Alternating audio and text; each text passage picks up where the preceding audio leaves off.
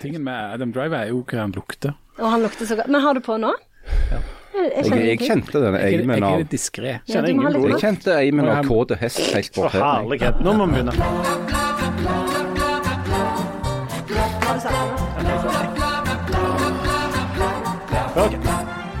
Norge er i ferd med å bli et kommunistisk land. Nei, nei, nei. Og Norge er i ferd med å bli et land fylt av leppefillers og Botox. Eh, og ikke nok med det, Norge er òg i ferd med å bli et land der USA får gjøre akkurat hva de vil. Med andre ord plenty for Gjerne Stigen Drangsholt å ta tak i når du skal ha 17. mai-tallet. Hurra!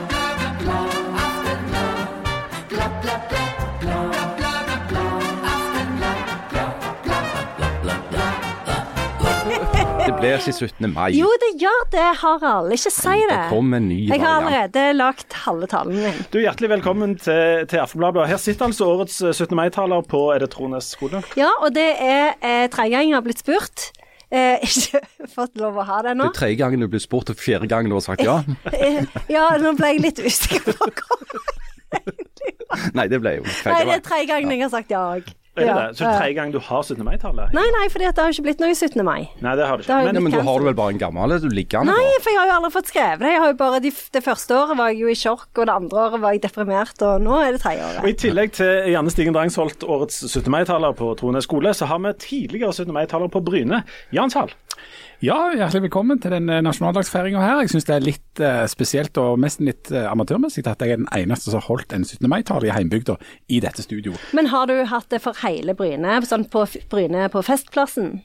Nå kaller vi ikke noe for Festplassen på Bryne, men eh, det var på torget. Ja, OK, for det så stort det er jo ikke mitt Utfører. Kjemsland det. Ja, nede ned ned med den Garborg-statuen hadde de satt opp. Og da var det sånn at jeg gikk fremst i toget. Gjorde du? Jeg gikk fremst i eh, toget, ja. Eh, og Med flosshatt. jeg hadde tatt på meg, for sikkerhets skyld, lindressen min. Den lyser, så jeg gikk fremst som en slags Tom Wolf gjennom Brynes gater eh, og streder. Her kom Hemingway! En flanør. Ja, så jeg flanerte da. Um, og dette var på en måte Det var litt sånn der med hevnen er søt. Det, altså, det var ikke sånn jeg eh, vanligvis når jeg gikk i tog på Bryne. Uh, men uh, nå gjorde jeg det. Og så kommer da til det som eh, Janne, den millionæren fra Sandnes, ville opptatt som Festplassen, men som på Bryne bare er et torg der det stort sett ikke er folk. Eller si, nå er det litt mer folk. Men eh, ja, og når så, var dette? Nei, Det er noen år siden, det er jo ganske lenge siden folk spurte meg om jeg kunne begynne å holde 17. mai-tallet. Det er bygons, liksom. Ja. Men iallfall så fikk jeg da um, tildelt da, den, en talerstol. Da hadde de en slags ja, hva heter det? Talerstol? Altså en, sånn, en konstruksjon av noe tre. Trone? Ja, trone Nei, vet ikke, men sånn, sånn så er det liksom litt sånn høyt, så du kan legge manus og likevel stå. Jeg tror det kalles for en talerstol. Ja, Jeg jeg, jeg, en talerstol. Jeg skulle akkurat komme med et innspill om at eh, jeg er kjent med det som talerstol. Ja. Så vi Det- kan jo være enige om å å si at det var en talerstol. Vi kan kalle det en talerstol. ja, men ikke nok med det. Det var ikke bare at de hadde satt opp en talerstol, de hadde også pynta. Oi! De hadde eh, pynta og dekorert rikt. Det var norske flagg, men det det var absolutt, absolutt, absolutt mest av, det var bjørk. Så du er allergisk imot? Som jeg er allergisk imot. Så jeg ble, jeg ble plassert inn i ei bombe av bjørkepollen og norske flagg i Tom Wolff-dressen min, og skulle da adressere Bryne torg med en tale om demokrati og, og dette må vi ta vare på. Og ikke minst ytringsfriheten. Alt vi er så glad i. Husker du hvordan det begynte? Nei, det husker jeg faktisk ikke. Ære landsmenn! Ja, ja, ja. Um, Så er stor glede! Se meg! så det er bare å begynne å glede seg, Jan. Ja, ja, ja. Okay, Harald Birkevold, har du uh, ja, hatt 17. mai-tale? Endelig var det noen som spurte meg. Ja, det har jeg faktisk. Har du det? Ja, Hvor da? Har du, er vi to 17. mai-tallere her? ja men jeg har, jeg har jo talt for en mye mye engere krets enn en, en nærmest en slags lukka selskap. Mor di fant hunden. Nei, nei, nei, det var en gang for mange år siden var- når jeg var ungdom. Så var vi en kameratgjeng som dro på 17. mai-tur på, på fjellet. Eh, og da fant vi ut at vi skulle ha både 17. mai-tog, og vi skulle ha tale, og synging av, av nasjonale sanger. Og alt sånn. Så i den anledning så framførte jeg en 17. mai-tale. da. Akkurat. Du, eh, jeg heter altså Leif Tor Linde, og jeg har aldri blitt spurt om å holde en 17. mai-tale i mitt liv. Og det er det vel gode grunner til. ja, jeg hadde sannsynligvis sagt nei, men eh, det er kjekt å bli spurt av og til. tenker jeg. Som hadde vært en egen kommune, så er jeg sikker på at du hadde blitt spurt. Ja, det tror jeg òg. Altså, det er jo ikke sånn at Selv om Hommersåk ikke er en egen kommune, så det er jo en kommune der jeg kommer fra, og der jeg bor nå. Den, Så- uh, det, uh Stavanger. Men hva, går det. Du, så, du Janne Stigen Rangsholt, som reiser rundt og deler forskjellige ord. Eh, blant annet et langt foredrag, uendelig langt sannsynligvis, om dette med sted og ikke-sted. Vil du si at Hommersåk er et sted eller et ikke-sted? Det er jo et sted, for jeg har jo sagt det før, at ikke-sted er jo sånne type steder hvor du, som er lagt for gjennomgang. Altså Hommersåk. Nei, det er jo ikke det det. er Det er jo mange bo som bor på Hommersåk. Ja, Vatne er et typisk ikke-sted. Ja, nemlig. Ja. Du, Vi skal ikke fordype oss i dette foredraget som du faktisk har holdt på ekte, men jeg er litt spent på om du har begynt på 17. mai-talen. Hva, altså, hva skal du åpne med? Nei, jeg tenkte å si gratulerer med dagen. Er det ikke det? Er det, er det en, er det en eh, mal? Men du må jo se at det har vært et spesielt år. Ja, det er annerledes, Eller annerledes. hadde jeg tenkt å si. Ja, ja, ja. Kommer du til å nevne krigen? At det var, neg at det var negativt med Hitler? Eller at det er positivt at jødene har adgang til riket? Ok, nå, jeg, jeg vet ikke helt, Leif Tore. Slutt å Nå angrer jeg på at vi snakker om Hva med det. det med kong Sverre, at han talte Roma midt imot? Ja, det syns jeg er viktig det. å få fram. Jeg, jeg plukte veldig mye fra sånn demokratipensum på sammenlignende politikk. Eh, og året etterpå Ble du så, ikke spurt? så inviterte de, så inviterte de eh, som en slags eh, Motvekt? Arvid Mæland, han med cowboyhatten. ja, ja, ja. For å få det litt ned på jorda. Men hvis, jeg, eh, hvis du er sånn at du kan bare snakke om spesialfeltet ditt, så kommer jeg jo til å snakke med om Ted Hughes. Ja. Eh, Men det kan jo ikke være så dumt, kanskje. Nei, jeg tror, tror det er jo faktisk noe som, som Trones skole går og bare venter på. Ikke Trondheim skole, Ted Hughes-skolen i Rogaland. Det er jo det. Vil du da snakke om, Det er jo det nå. Vil du da snakke om hovedverket hans, Crow? Ja, jeg tror det. Kan at uh, Fridtjof Nansen For det er veldig mange kråker rundt skolen, så egentlig så kan en kanskje lage en fin stedlig overgang til det. jeg har begynt å lese en bok om kråke. Bok som heter 'Kråkemann', som handler om kråke. Det er utrolig mye du ikke vet om kråke. Ja, Kråker er utrolig viktige å, å være på godfoten med. De er, Fordi de, de, de er mer bærer nag. De er veldig intelligente, og de kjenner igjen et ansikt. Mm. Og de bærer nag. Jeg vet det, og derfor så alltid når jeg For det er noen kråker som er et sånt trekk fra rett med Trone skole og opp til Sandnes videregående skole. Og da vinker jeg alltid til dem og viser dem at jeg er på deres lag være- når jeg går forbi dem. Er det noe symbolikk der? i- Tenker på innvandring eller utvandring eller noen sånne ting du kan bruke i selve talen? Nei, jeg kommer bare til å snakke om kråkene sånn rent konkret. Kråke. Kråke. Det er til det det. igjen at nå etter at Janne fikk kjeft for å ikke snakke sanesisk, så sier hun deres og sånn nå. Ja. Det gjorde hun aldri før. Du har lagt seg på helt Veldig bra. Kråkene varsler tradisjonelt sett sykdom og død. Hva er det sa nå? Kråka er tradisjonelt et symbol for ulykke og død. Det er sant, det. Bare pga. Mm. Du kan begynne å tale med det. Diskriminering. Og til alle dere på Trones som nå kjenner Gleder dere. nå, nå, nå kribler det, så kan dere trøste dere med det at i år, som alle andre år, så kommer lydanlegget til å være for lite. Det kommer til å blåse imot, og ingen kommer til å høre dette. Før, og så kommer noen til å si Er vi fer- er vi ferdige? Ja, vi er vekke. Og så kan de gå på stulter. Du, kommer du til i 17. mai-talen din til å nevne noe om eh, den røde fare, og at Norge nå er et kommunistisk land, mer eller mindre?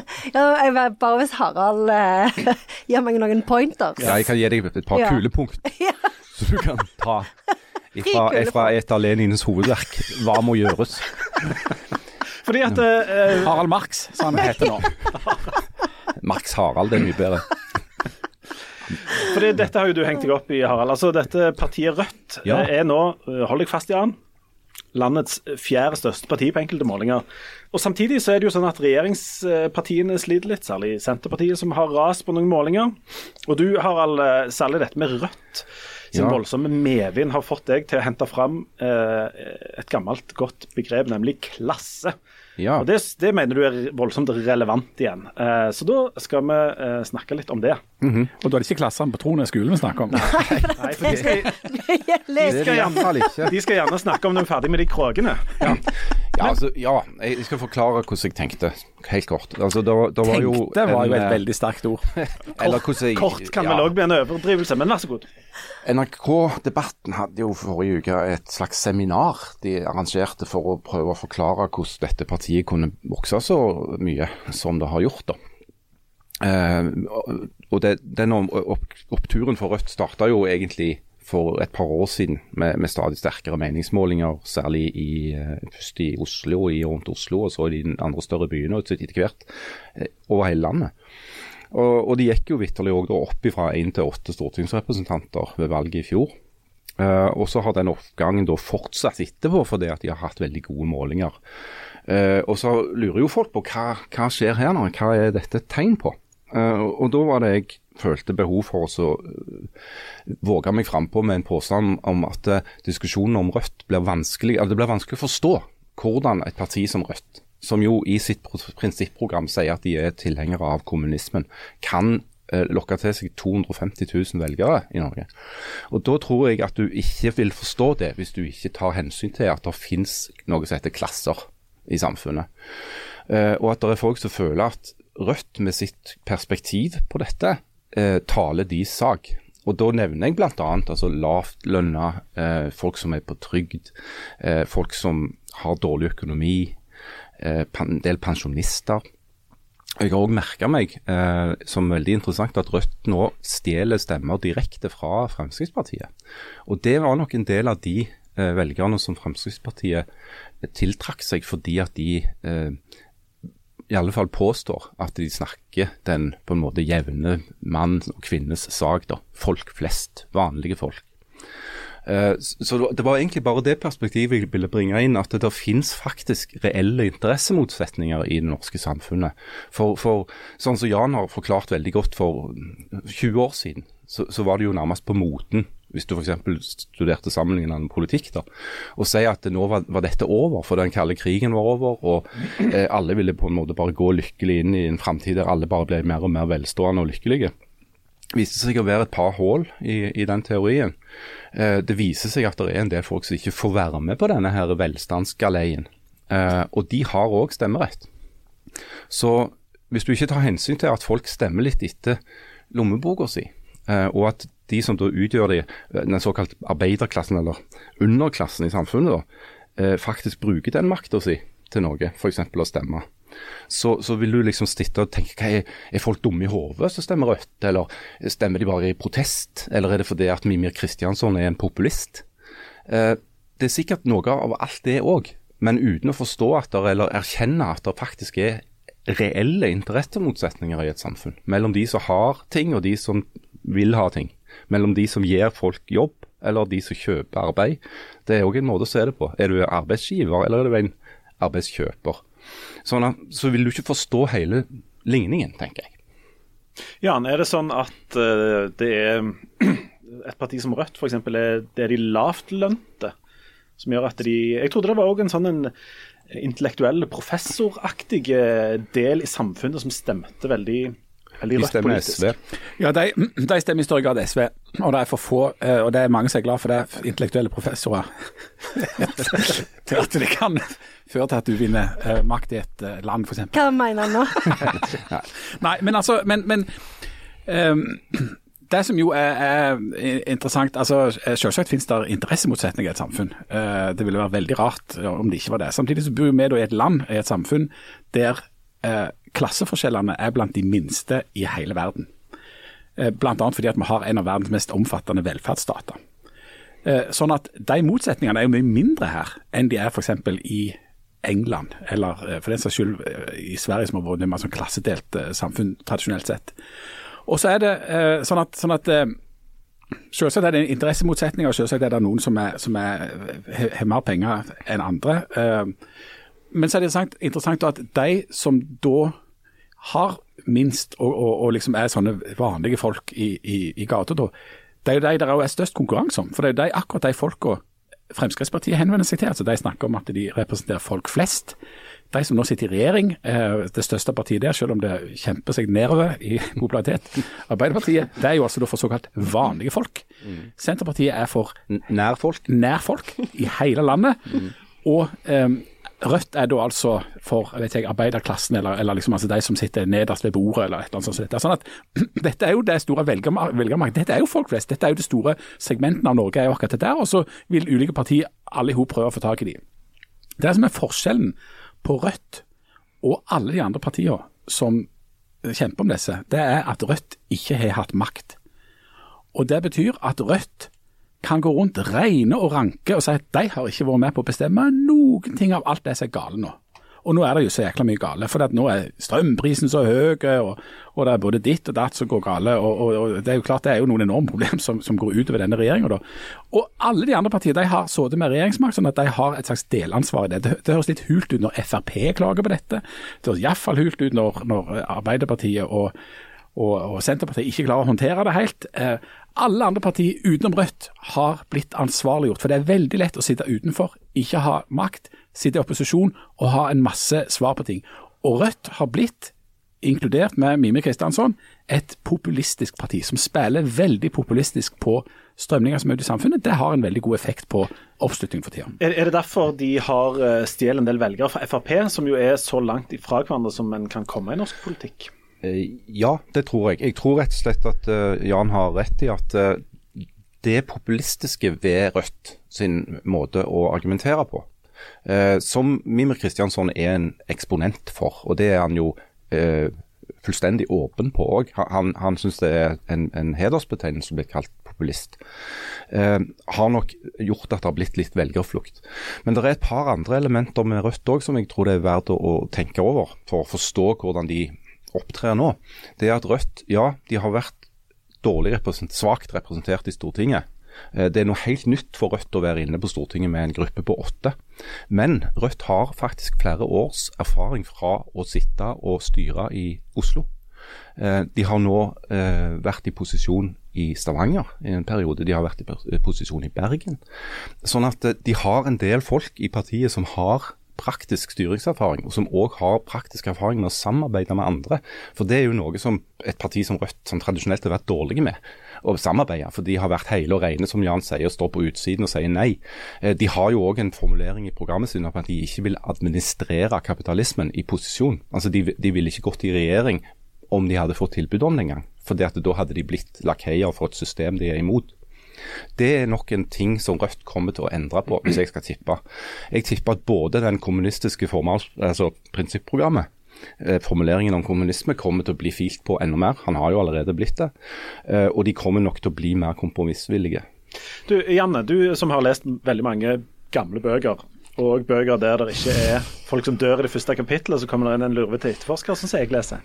Eh, det, så, sånn klassegreier jo, er jo sånn kjempesentrale ting i litteraturen opp gjennom. Men jeg, jeg, trodde jo at vi var litt ferdige med det. Mm, ja, men, eh, men, det er jo sånn som så Jan var vel som sa, at det er jo eh, altså, Romanen gjenspeiler jo samtida, og nå er det jo faktisk et problem at middelklassen er i ferd med å skrumpe inn mange steder. og sånn som Mange steder i USA så kan du jo ikke bo engang eh, hvis du er en vanlig middelklassefamilie. Da er det jo klart at de at de problemstillingene dukker opp. Eh, så, så, og, og, i Europa òg er det jo et kjempeproblem at eh, gapet mellom fattig og rik øker. Og da får du jo fram Selv om en ikke snakker sånn som du sier, Harald, så er det jo, snakker jo ikke om arbeiderklassen lenger. fordi at det er jo ikke det det er, på en måte. Altså det, før var jo det et godt navn på det, fordi at en faktisk jobbet i, på fabrikken, sånn som når Charles Dickens skrev Hard Times, f.eks. Men nå er det jo ikke, nå er det jo ikke så tydelig kan den såkalte arbeiderklassen holder på med. De er ikke på fabrikk og sitter og lager tannkoster. Men i, i litteraturen Nei. og samtidslitteraturen så møter du jo òg på arbeiderklassen. Eh, F.eks. Eh, i, i Åsa Linderborg sin eh, selvbiografiske 'Meg eier ingen' om hennes forhold til faren sin, som var fabrikkarbeider, eh, alkoholiker, eh, tilbehørt, kommunist. Tilhørte helt åpenbart en arbeiderklasse. ikke sant? Eh, du har jo denne her eh, veldig kritikerroste romanen fra Skottland, 'Shuggy Bain'.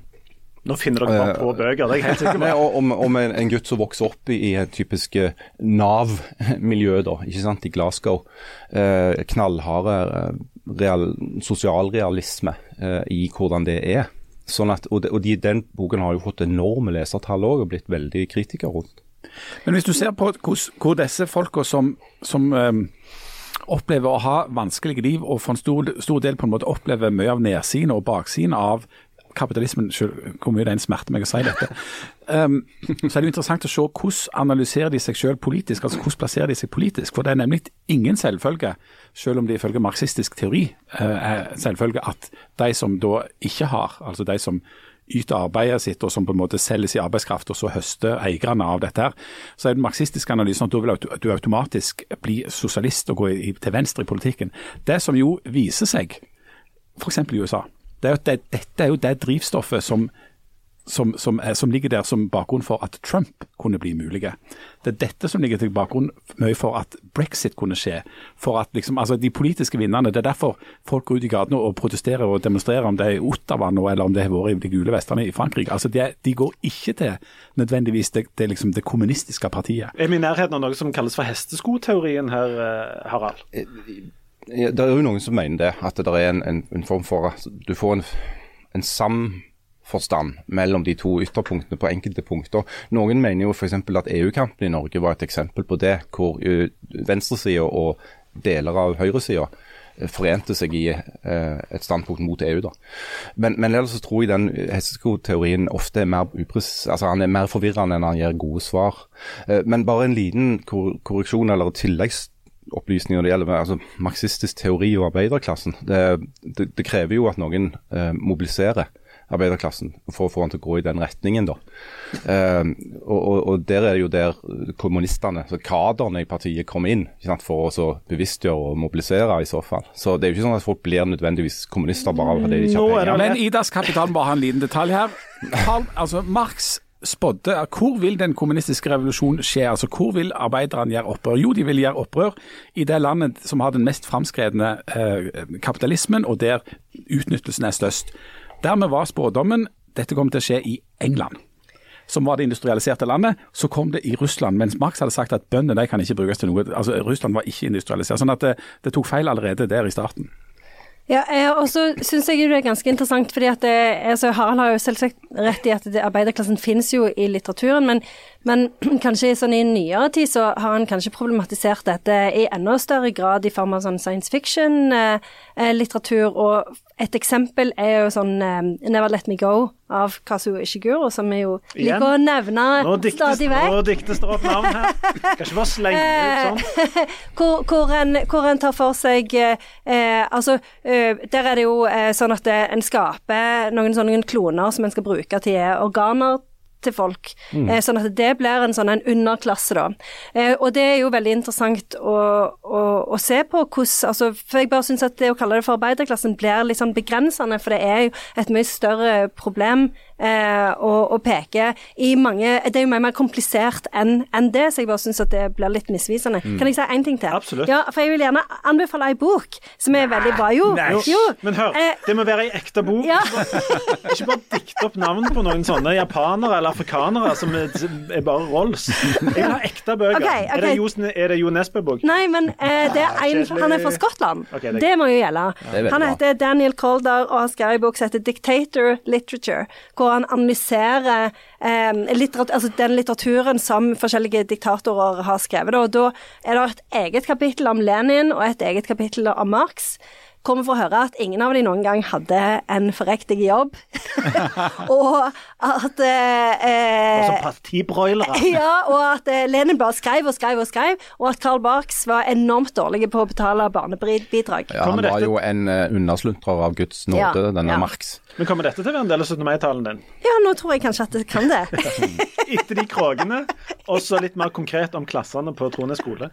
Og så litt om Carl Barks. Ja, Karl Bark. Det var jo han som Til glede for nye lyttere. Var ikke det han som skrev om Mickey Mus? Jo, det var det. Ja. Um, For et nivå. jeg prøver å holde det på jorda. Ok, Nå skal vi få det skikkelig ned på jorda. her. Hva, hva, Harald, hva for en klasse tilhører vi? Etter denne ha-ha Janne eh, tilhører liksom overlord-skipet i Sandnes, som vi jo ikke gjør. Men hva for en klasse tilhører vi som sitter her inne? Mener du om vi er liksom eh, arbeiderklassen? Ja, altså hvis, det, hvis disse klassene finnes og er relevante, så må vi jo kunne plassere oss i en eller annen sånn eh, sekk. Må vi? Ja, det er Ja, ja. oppgaven. Er vi øvre hvit middelklasse? Jeg tror ikke øvre. Eller jeg vet ikke eh, hvordan det er med deg, men, men jeg tror du må ha litt mer penger enn du og meg har hvis du skal være øvre middelklasse. Men altså, det kommer jo helt an på hva du sammenligner med. Sånn Globalt sett så til og med hører vi jo en helt bitte liten elite. Vi har jo mer penger enn omtrent alle andre. Så det kommer jo an på. Så vi er, altså, vi er blant de fem rikeste i prosentene i verden, men ikke blant de eh, liksom 30 rikeste i Norge. Nei. Men eh, altså, arbeiderklassen har blitt et jo mer et uh, bevegelig mål. Altså, hvis den både innbefatter eh, ingeniører eh, og advokater som har millionlønninger, og folk som er ufaglærte renholdere i en eh, innleiebedrift, så er det jo en relativt stor sekk du skal putte oss oppi, da. I, eh, helt i halen av dette, Jan. Um, Rødt går voldsomt fram. Eh, for Arbeiderpartiet og Senterpartiet, særlig Senterpartiet nå, så går det skal vi si det mindre godt når det måles om hvem folk ville stemt på i dag. Eh, hvorfor i all verden raser det sånn for de? Fordi de har fått virkeligheten i fleisen. Det er altså lett å sitte i opposisjon. Dette, jo, dette kan jo anføres til, til Rødt. Derfor er det jo lurt av Rødt å ha programfesta den oppsiktsvekkende tingen innenfor politikk at vi skal ikke ha makt. Altså, Hva i all verden er det du holder på med politikk for? Men, men, det eh, tror jeg jeg har i ekteskapsavtalen min. Ja, jeg er med på det, men jeg skal ikke ha makt. Ja, jeg, jeg stemmer på de som ikke skal delta i å utøve makt, jeg bare stå ut forbi og rope. Men nå er han så, en av de som ropte høyest, han sitter nå er finansminister, og så får han oppleve at uh, dette er ikke så lett allikevel. Og i og med at uh, Senterpartiet òg har voldsom innflytelse på det som står i den der Hurdalsplattformen, så skal de nå gjennom, de skal drive med reversering av en hel drøss med reformer. Og ikke for å forbedre noen ting, men bare for at de skal tilbake til et land som skjedde før. Det skal vi bruke hundrevis av millioner kroner på. Og ikke få de til det med strømmen, og ikke få de helt til det med koronaen, og så går det rett og slett bare grassat nedover. Så maken til nedtur. Men de har jo fått gjort en del da, sånn som ingen bryr seg om. Eh, på andre områder i den eh, regjeringserklæringen sin. I Hurdalsplattformen har de jo faktisk gjennomført en god del f.eks. på arbeidslivsområdet. Men fordi strømkrisa og Ukraina og hva det nå er, eh, Jens Stoltenberg som sjef i Norge, men det spiser opp hele nyhetsrommet, så får de jo, kommer de jo ikke gjennom lydmuren med det de faktisk gjør. Og Der fikk Harald nevnt Harald, denne Stoltenberg, som vi tidligere har tippet når vi skulle tippe hvem som ble Jeg gleder meg sånn til at du skulle begynne å snakke. Men jeg skulle jo si noe. Skulle Jeg rakte opp hånda. Ja, rakte opp ja, ja, og du ga meg et nikk, men ingenting skjedde òg. Det var, det var Ikke sånn, ned eh, studio for det. om. Det var et sånt nikk som du burde sett var egentlig vært nei. Men kom igjen. Det er to ting som irriterer meg veldig Ja. akkurat nå. Okay. Det ene er at Harald hele tida gnåler om at det ikke kommer til å bli 17. mai, for det blir det. Ja. Og det andre er at jeg forstår ingenting av det Vedum sier. Når han, han var på radio en dag, jeg skjønte ingenting. Og kan han pli... Det er jo derfor det går dårlig med dem. Ja, ja. Det er så enerverende å høre at han mumler om et eller annet. Så vær så snill, gå på Få hjelp av en logoped, et eller annet. Jeg er helt enig, og jeg, eh, jeg tilgir politikere veldig mye, men han har jo òg konsekvent dette han holdt på med egentlig fra før valget, men han svarer ikke på et Nei, eneste spørsmål. det. Det syns jeg er veldig spesielt når du sitter med makt, og særlig over den norske pengesekken og sånt, så må du kunne svare på helt sånn konkret spørsmål. Og Da kan han gjerne sitte der og si at han representerer på en måte, at han skal være nær folk, og sånn, men da er han fjernt for folk. Da er han den ypperste eliten, som var det han skjelte ut i, i opposisjonstilværelsen, og så svarer han ikke på spørsmål, og så, er han, så klarer han ikke å løse det som han sa han skulle fikse. Og Da er det ikke rart at det går biringt for dem. Men jeg vet ikke om han svarer på spørsmålene. For det. Men nå må vi altså snakke om. Jens Stoltenberg. Åh, Åh, kan vi la være? Åh, okay. men for- for noen uker siden skulle vi tippe Nei, slutt nå! Trommevirvel. For noen uker siden skulle vi tippe hvem som ble sentralbanksjef i Norge. Ja, stemmer det. er det ikke veldig, pause? veldig kort, ikke viktig. Jo, eh, noen tippte at, han, at det ble han, og noen tippte at det Hvem var ble det som hun. tippte at det ble Jens Samme det, vel. Det er på tide med reklame nå snart. Nå må vi ha reklame. Trenger du bildekk? Det var jeg, Harald Birkevold, som tippet at det kom til å bli Jens Stoltenberg. Hva tippet dere andre? Driver du en mellomstor bedrift og gruer deg til skattedriten? eh? Hvis Nei, hva er det? Jeg vet ikke hva vi Jeg har hatt rett i en tippekonkurranse. Jeg har Har du, rett. har du behov for nytt mobiltelefonabonnement? Eh, prøv uh, Betaler du for mye for strømmen? Ja, det gjør alle, men drit i det. Skift til noe Nordlands uh, Ja, kraftenergi. ja. Flytt til Ok. Senja. Lurer du på framtiden? Spør Harald Birkevold. Han kan svare. For å være konkrete. OK, Harald. Du har for første gang i ditt liv eh, truffet rett på en spådom, og nå skal du få 30 sekunder til å uh, uh, Ikke male egen pipe, hva heter det?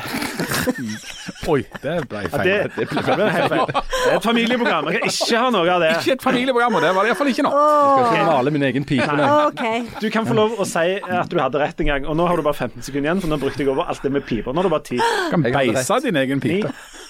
8, Dere spurte hvem Syv. er det som kommer til å bli sentralbanksjef i Norge. Fem. Jeg sa Jens Fire. Stoltenberg. Tre, Jeg hadde rett. 1, 0. Takk for meg. Nå tar vi en liten pause.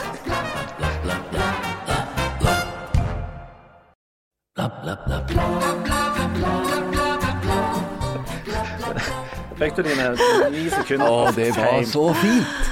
Det verste, altså det verste jeg kan tenke meg, det er at Harald rett i et eller annet.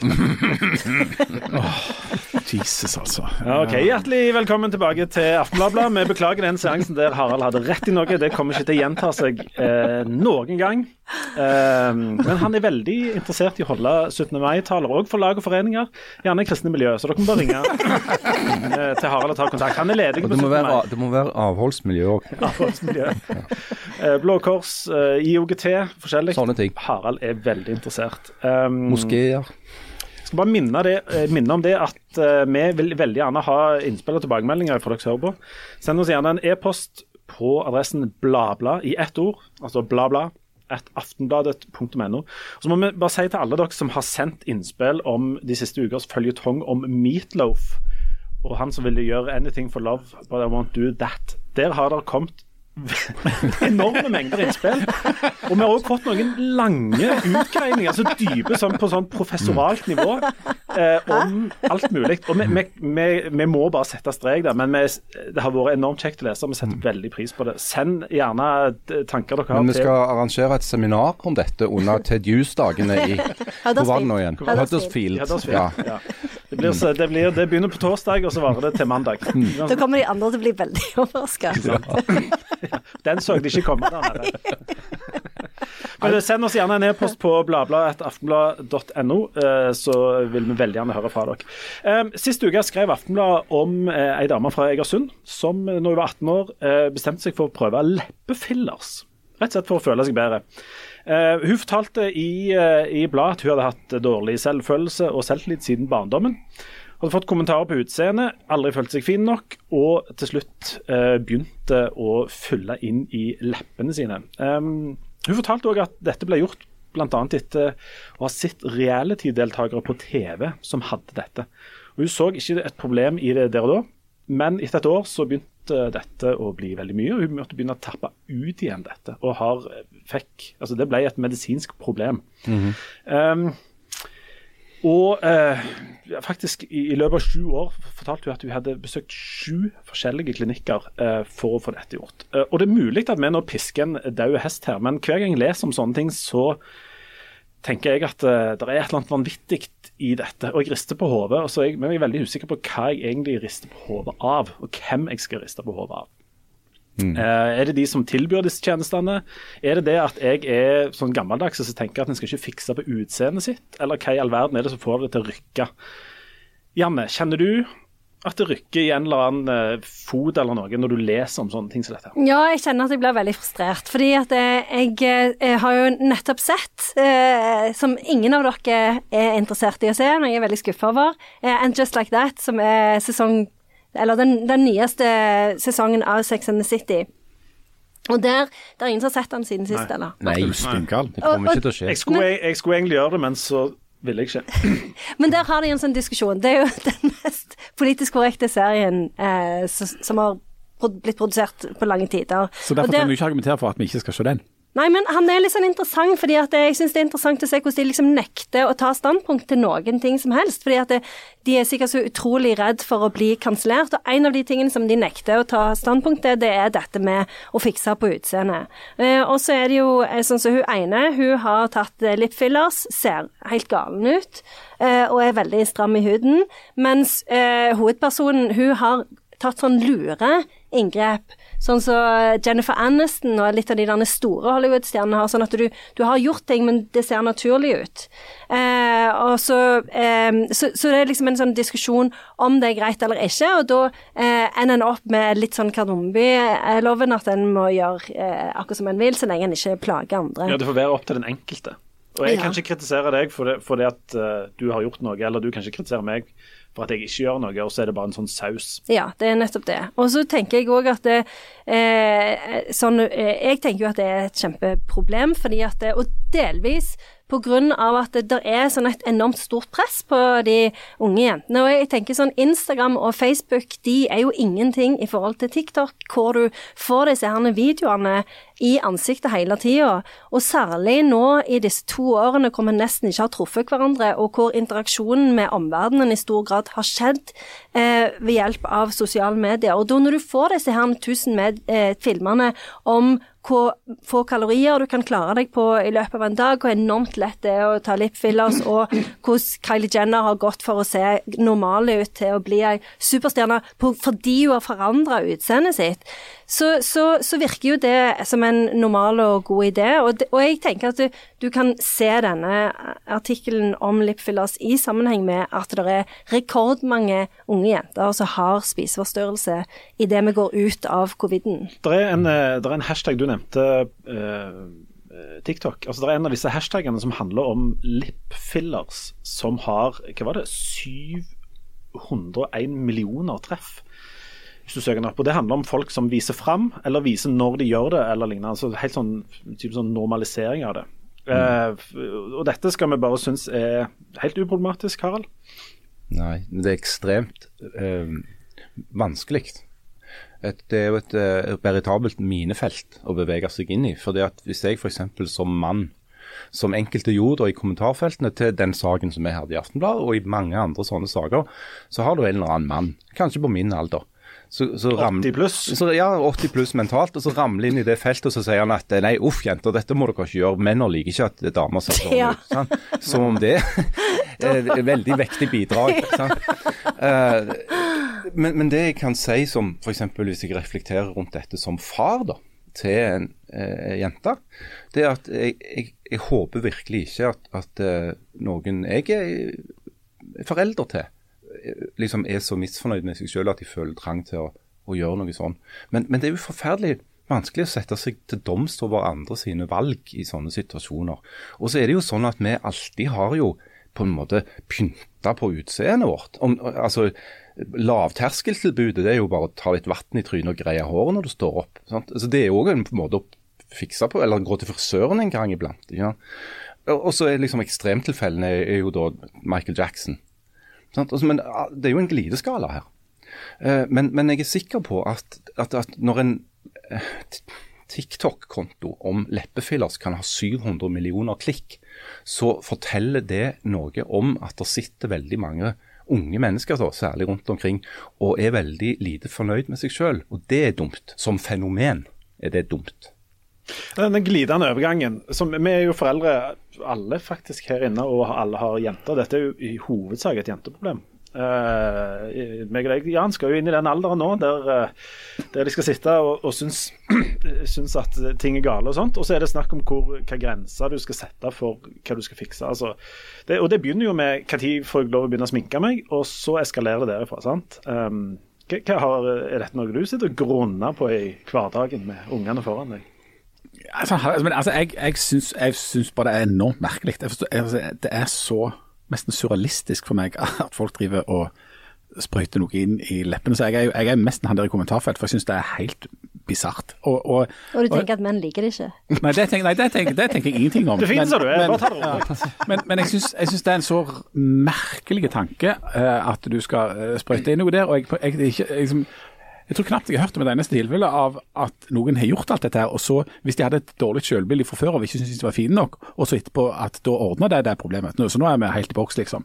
Eh, suksesshistorien om dette her er jeg litt sånn usikker på hvor er den da.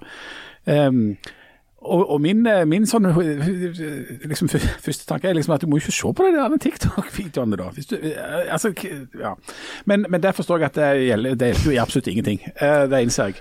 Nei, men Jeg har jo en datter selv på, på 15 år som, som ikke følger noen av disse her influenserne. Hun syns det er helt uinteressant. Så, og da skiller hun seg veldig ut. Det er godt at folk men, er forskjellige. Men jeg husker jo, Leif Tore, du for noen år siden så skrev altså Da var jo det, gikk jo debatten på dette med å, å fikse på utseendet, men da gikk det på denne her, dette fenomenet, eller du skal kalle det, med, med når, når uh, ungdommer, barn kanskje til og med, særlig jenter, deler nakenbilder av seg sjøl på internett.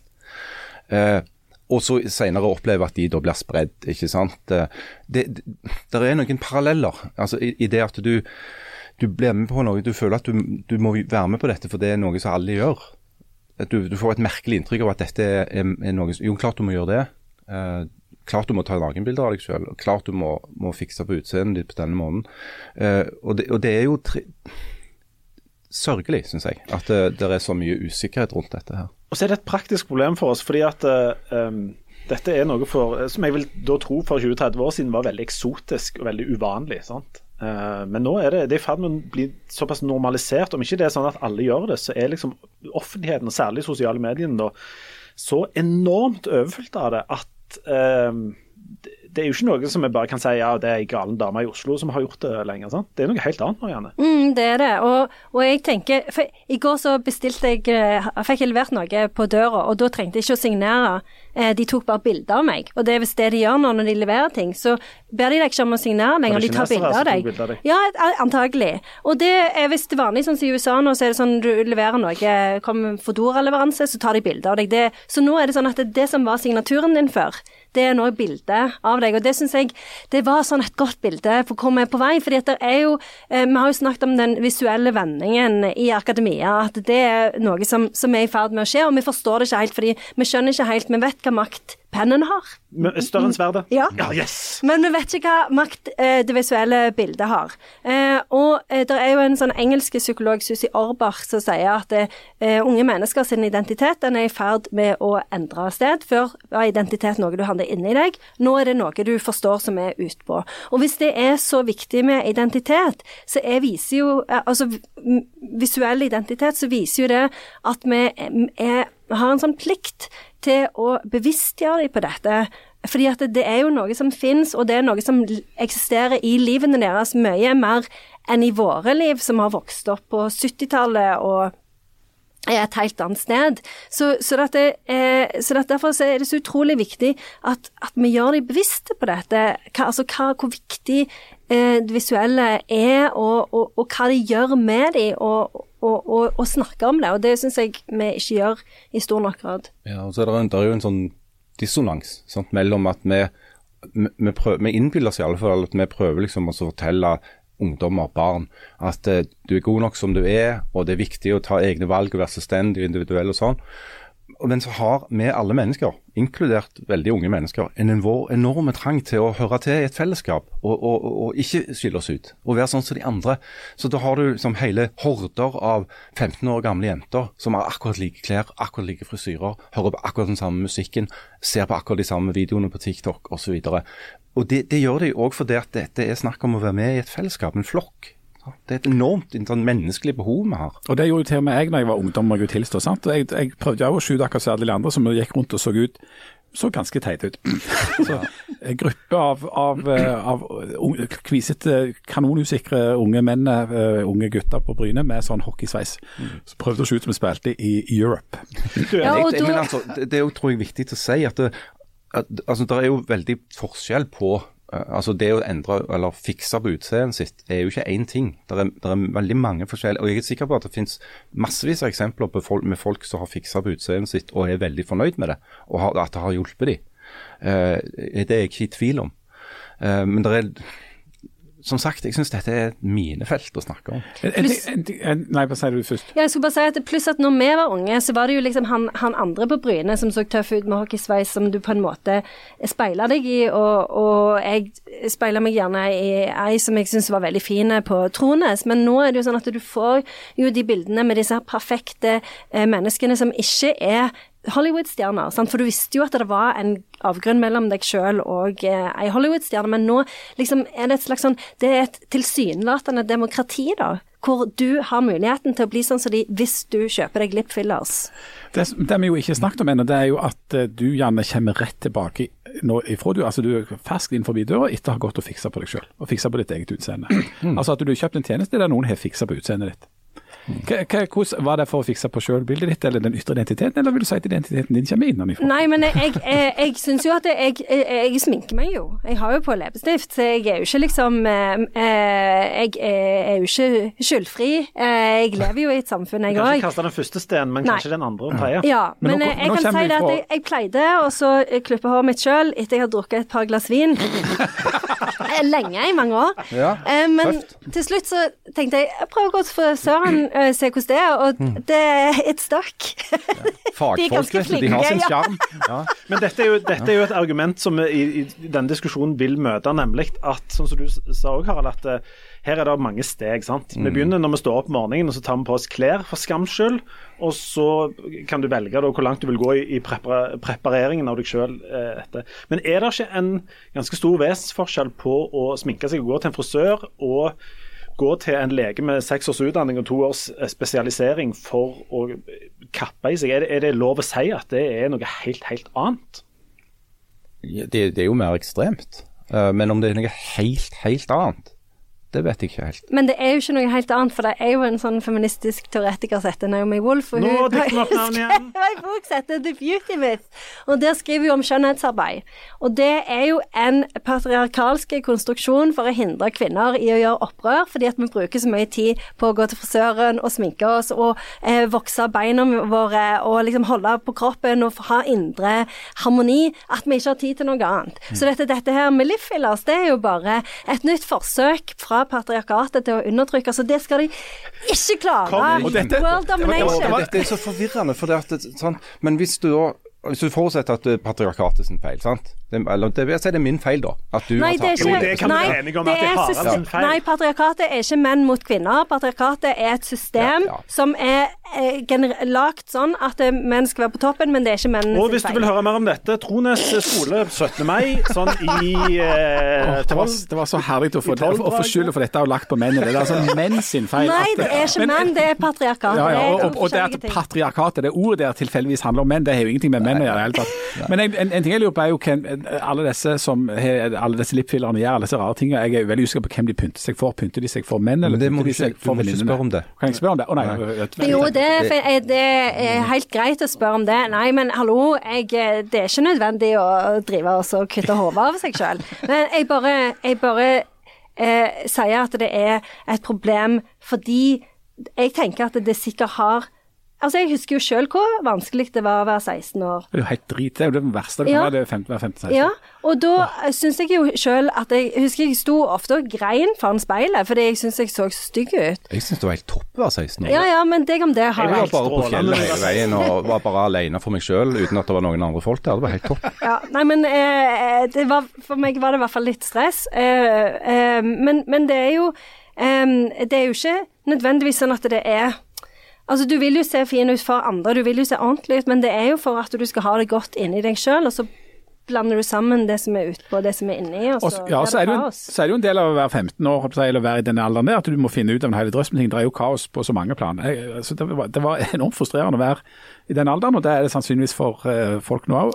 Med mindre de reiser på fjellet Ja, og, og har det godt med seg sjøl. Men du, bare en helt siste ting før vi slipper dette. For det at inni den der med harangen du hadde om hva det var de gjorde borte i Hollywood der, så sa du at det var mange som tok altså sånne ting, og så ser de ut som noen sånn løgner etterpå. Men så var det sånn som, de, sånn som Jennifer Aniston og de gjorde, at de gjorde ting som gjorde at de så bedre ut, men, de så, men det så bra ut. Ja, og det jeg, jeg, jeg, jeg, ville valgt den. Hvis jeg skulle velge, Ja. da. Vil du ta sånn en det du ser helt corny ut etterpå, eller vil du ta sånn at du ser kjempebra ut? Nettopp det. Hvorfor har For dette, det, de to eksemplene som jeg har hørt, da, er jo Jennifer Aniston og Sarah Jessica Parker.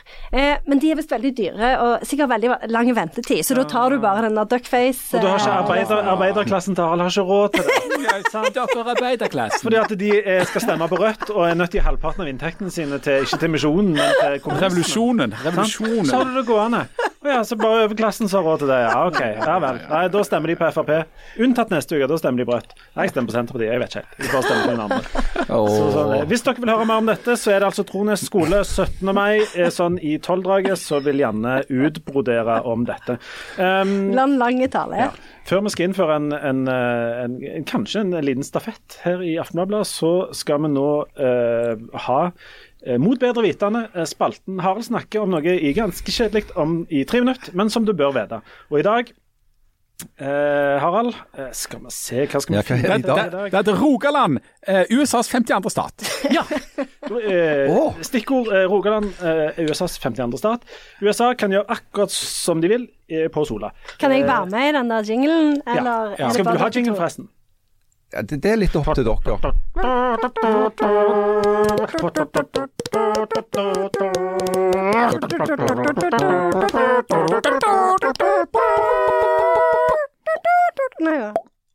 Ja.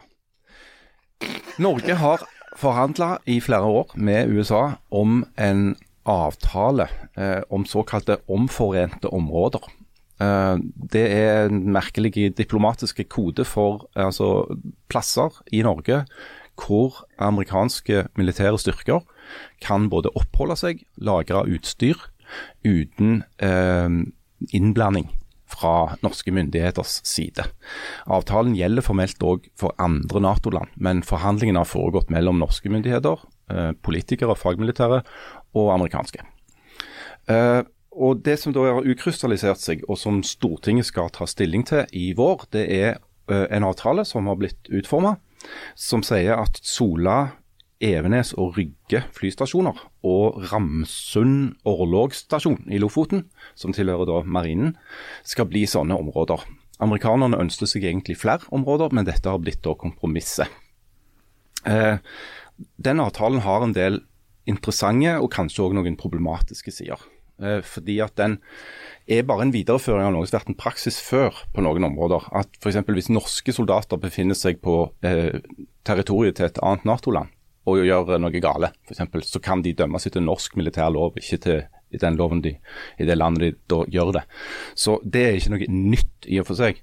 Men det som er nytt i denne avtalen er f.eks. at si at det er en kontingent amerikanske marinesoldater eh, som oppholder seg på et av disse områdene i Norge, og så går de på byen og havner i klammeri med en annen gjeng med menn og det skjer noe der som kanskje har vært et lovbrudd, noe vold, et eller annet, kanskje noen blir voldtatt, hvem vet, eh, så vil de i utgangspunktet den avtalen kunne gjøre at de ikke kan, kan etterforskes og dømmes i Norge for det de har gjort på norsk territorium. Eh, så der har du en potensiell eh, utfordring. Det kan komme i konflikt med Norges forpliktelser i forhold til Den europeiske menneskerettskonvensjonen f.eks. Og så har du en annen lovtekst som heter vi kaller for Grunnloven, som sier at norsk territorium er der har staten Norge suverenitet og uinnskrenka eh, herredømme. Eh, er det sånn at denne avtalen avgir suverenitet til en annen stat, så kan det bli et problem for eh, juristene i Høyesterett. Sånn at det er områder i den avtalen som handler om juss og tolking av våre forpl internasjonale forpliktelser, som må diskuteres. I tillegg så har du jo den politiske dimensjonen, der du har f.eks. motstand på venstresida typisk, mot avtaler som gir eh, stormakten, imperialistene i USA, eh, adgang til norsk territorium og holde på. Eh, vil de kunne drive med fangetransporter uten at vi vet om det? Vil de lagre ulovlige våpen, osv. Saken skal opp i Stortinget i vår. Hvor kan du lese mer om dette? Stavanger Aftenblad. Vi har noen fantastiske kollegaer som har skrevet veldig mye om dette. Og eh, de, de, sakene bør dere absolutt få med dere. Det er eh, helt lokalt stoff som er stor eh, internasjonal og global eh, politikk. Eh, les de. Det var en ganske bra gjennomgang. Ja, veldig fin. Men, kan, men kan, kan, Norge si nei? Og si sånn nei, nei, Amerika, dere er veldig sterke. Vi kunne jo prøvd oss på det, men da har jo f.eks. Amerika sagt at hvis vi sier nei til denne avtalen, så får ikke vi mer penger av de. Da vil ikke de investere i, i trodde vi hadde grassat penger, jeg. Det er veldig høye gasspriser og veldig gode overskudd fra ja. Equinor. De tre minuttene er over. Vi skal avslutte med noe veldig lett stoff, nemlig at vi skal innføre en stafett oss imellom. Der vi hver... En ny spalte? Nei, nesten. Uten intro. Um, ikke litt engang. Spalten, spalten uten intro. jo, ja. Er det Frode Grytten? Ja, kan få... du kan si det på sånn, sånn, sånn Frode Grytten. Spalta, spalta uten intro kjem som smelten på kjerringa. Men og, og James Joyce altså. Jo, kom an! Det blir nas. Jeg må spare. Nei, det gikk ikke. Nei, nå gikk det i banden for Jan. Du, det er rett og slett, jeg, jeg er veldig glad i lister. Uh, så vi skal rett og slett ha ei topp ti-liste. Selvvalgt tema. Helt selvvalgt. Uh, ti punkter. Uh, Telle ned fra ti tegn uh, på noe som vi velger sjøl, som vi skal framføre. Og jeg skal begynne. og Janne, du skal få lov å ha neste gang. og min topp ti-liste handler altså om Det er jo OL nå. Følger dere med på OL? Absolutt ikke. Ja, men bare, men, jeg vet det er jo jeg har, jeg har et brennende spørsmål. Ja. For det er regler. Altså, er det, sånn, det, er ingen regler. Det er bare ti et eller annet. Ting. Ja. Det kan være tropp ti, bånd ti. Ja. Ja, okay. det, kan være, mm. det kan være veldig personlig og privat. Det kan være uh, f.eks.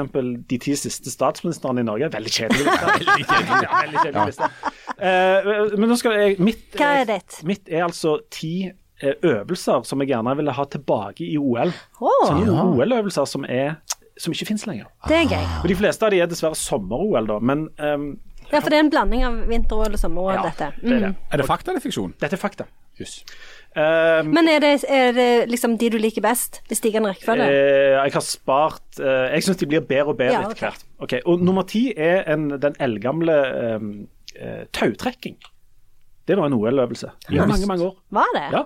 De hadde både tautrekking, og de hadde sånn der du skulle hei, klatre et tau oppover. Var det sånn Squid Game at de ble liksom trukket Ja. over et De stup? de som tapte, døde. Ja. Det burde vi fått tilbake. Jeg er enig med deg. Eh, nummer ni er eh, undervannssvømming. Det er Geniale sport. Det hadde, de kun, det hadde de kun i ett OL. Så drukna det- han. ja, det var en som vant. Ble med det ene OL-et. Alle vant. Uavgjort. Var umulig å skille deltakerne.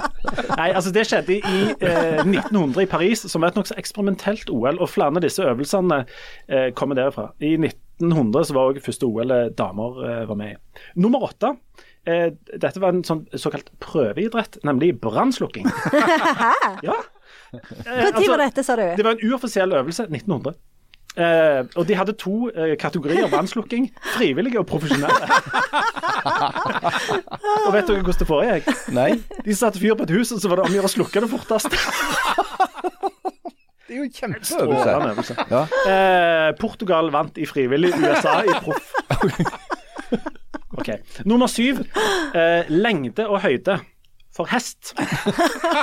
Det er jo enormt bra. Lengde og høyde. Ja, de hadde lengde og høyde for hest. Hadde, er, det, er det to øvelser eller én øvelse? det er to øvelser. Oh, ja. Eh, den ble tatt vekk. Det, det var jo òg stille lengde og stille For hest? høyde. Nei, for, for folk. oh, for folk, ja. Men jeg vil gjerne ha tilbake f.eks. Eh, lengde fra hest. Det er en god øvelse. Ok, eh, Nummer eh, seks luftballong. OL i luftballong. Ja, I 1901. De hadde tre øvelser i luftballong. Lengde, høyde og tid. Altså hvem som klarte Å holde seg i lengst lufta lengst. lengst. Var det noen som døde? Eh, nei, jeg tror ikke det. Men det kommer noen eh, Det er mer dramatikk senere okay. på lista. Um, nummer fem um, er krokket. Krokket er bra. For der kunne vi også fått inn altså Der kunne Åna kretsfengsel gjort det stort som produsent. Um, men dette ble testa. Frankrike vant alle kampene. Og det ble Kjedelig. en publikumsfiasko.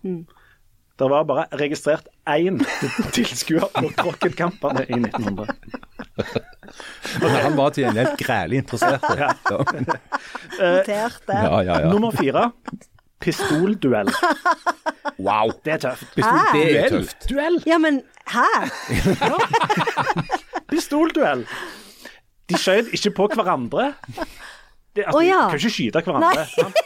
Det trodde jeg de gjorde. Nei, det de gjorde, det var at de, de satte opp mannekenger med blink på halsen. Hæ? Så var det om å gjøre å skyte en mannekeng. I halsen. Ja. Fantastisk. Hvorfor har de ikke det lenger? Nei, det ble tatt vekk. Um, Det hadde jeg sett nå er det, på. nå er det løpende villsvin. ja. Jeg hadde sett på det. Og det, der er en, ut, der er en utvikling her, nemlig. Det fins en, en, en øvelse etter løpende villsvin. Ja, ja, ja. Vi har en OL-mester. Og her skal litt av, her skal jeg forklare litt av bakgrunnen for det. Fordi at eh, Er det, var det den neste? Ja, det ja. neste er òg skyting. Og det var øvelsen skyting på levende duer. Ja, det hadde Det var OL-øvelse. Um, og når de hadde det, så, så var det, gikk det altså med 300 duer i et slags blodbad. For de var sykt gode skytere. De traff De sikta på, vet du. Ja. Eh, og, men så var det folk som syntes det var eh, litt drøyt å skyte duer. Så da fant de ut ja, vi må gjøre noe. Så da var et forslag at de skulle bytte de ut med reinsdyr.